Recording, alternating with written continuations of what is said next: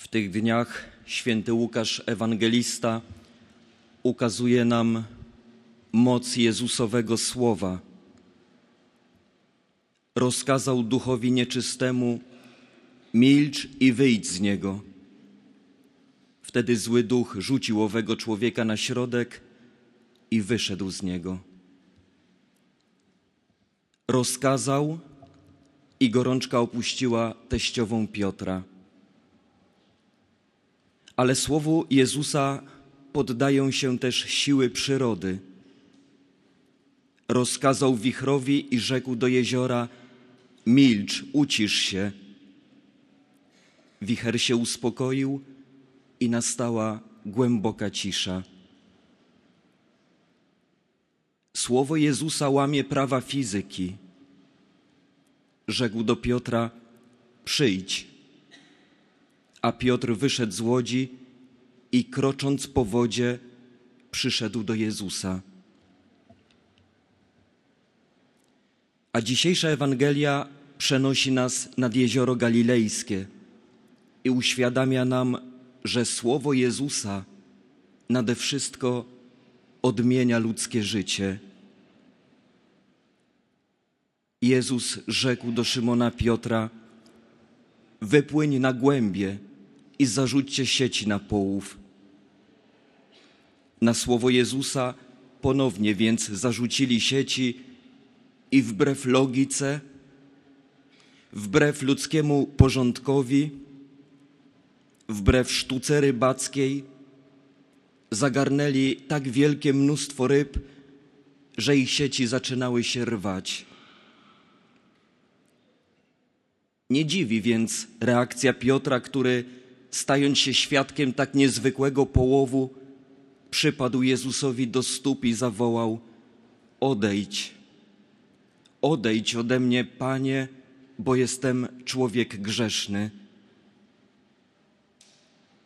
Zetknięcie się ludzkiej słabości z Bożą świętością, z Bożą mocą, z Bożą miłością odsłania człowiekowi, jak bardzo jest niegodny. Pan Bóg nie zniechęca się jednak ludzką biedą i ludzką kruchością. Pan Bóg wie, że moc w słabości się doskonali. Dlatego, pomimo usilnej prośby Piotra, nie odchodzi.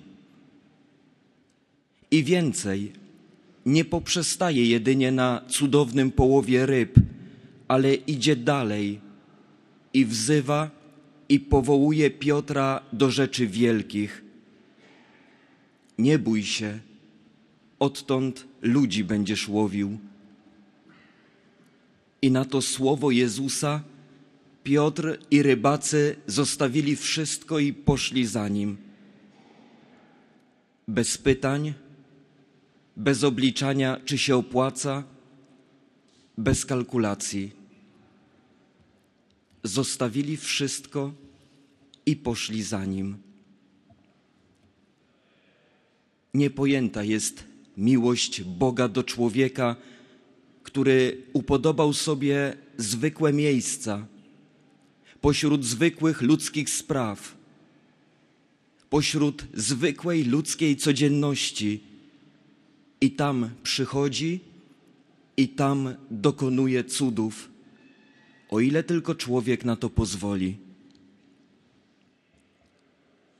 Bracie i siostro, stajemy dzisiaj przed Jezusem i przed Jego słowem, jak kiedyś Piotr nad jeziorem galilejskim.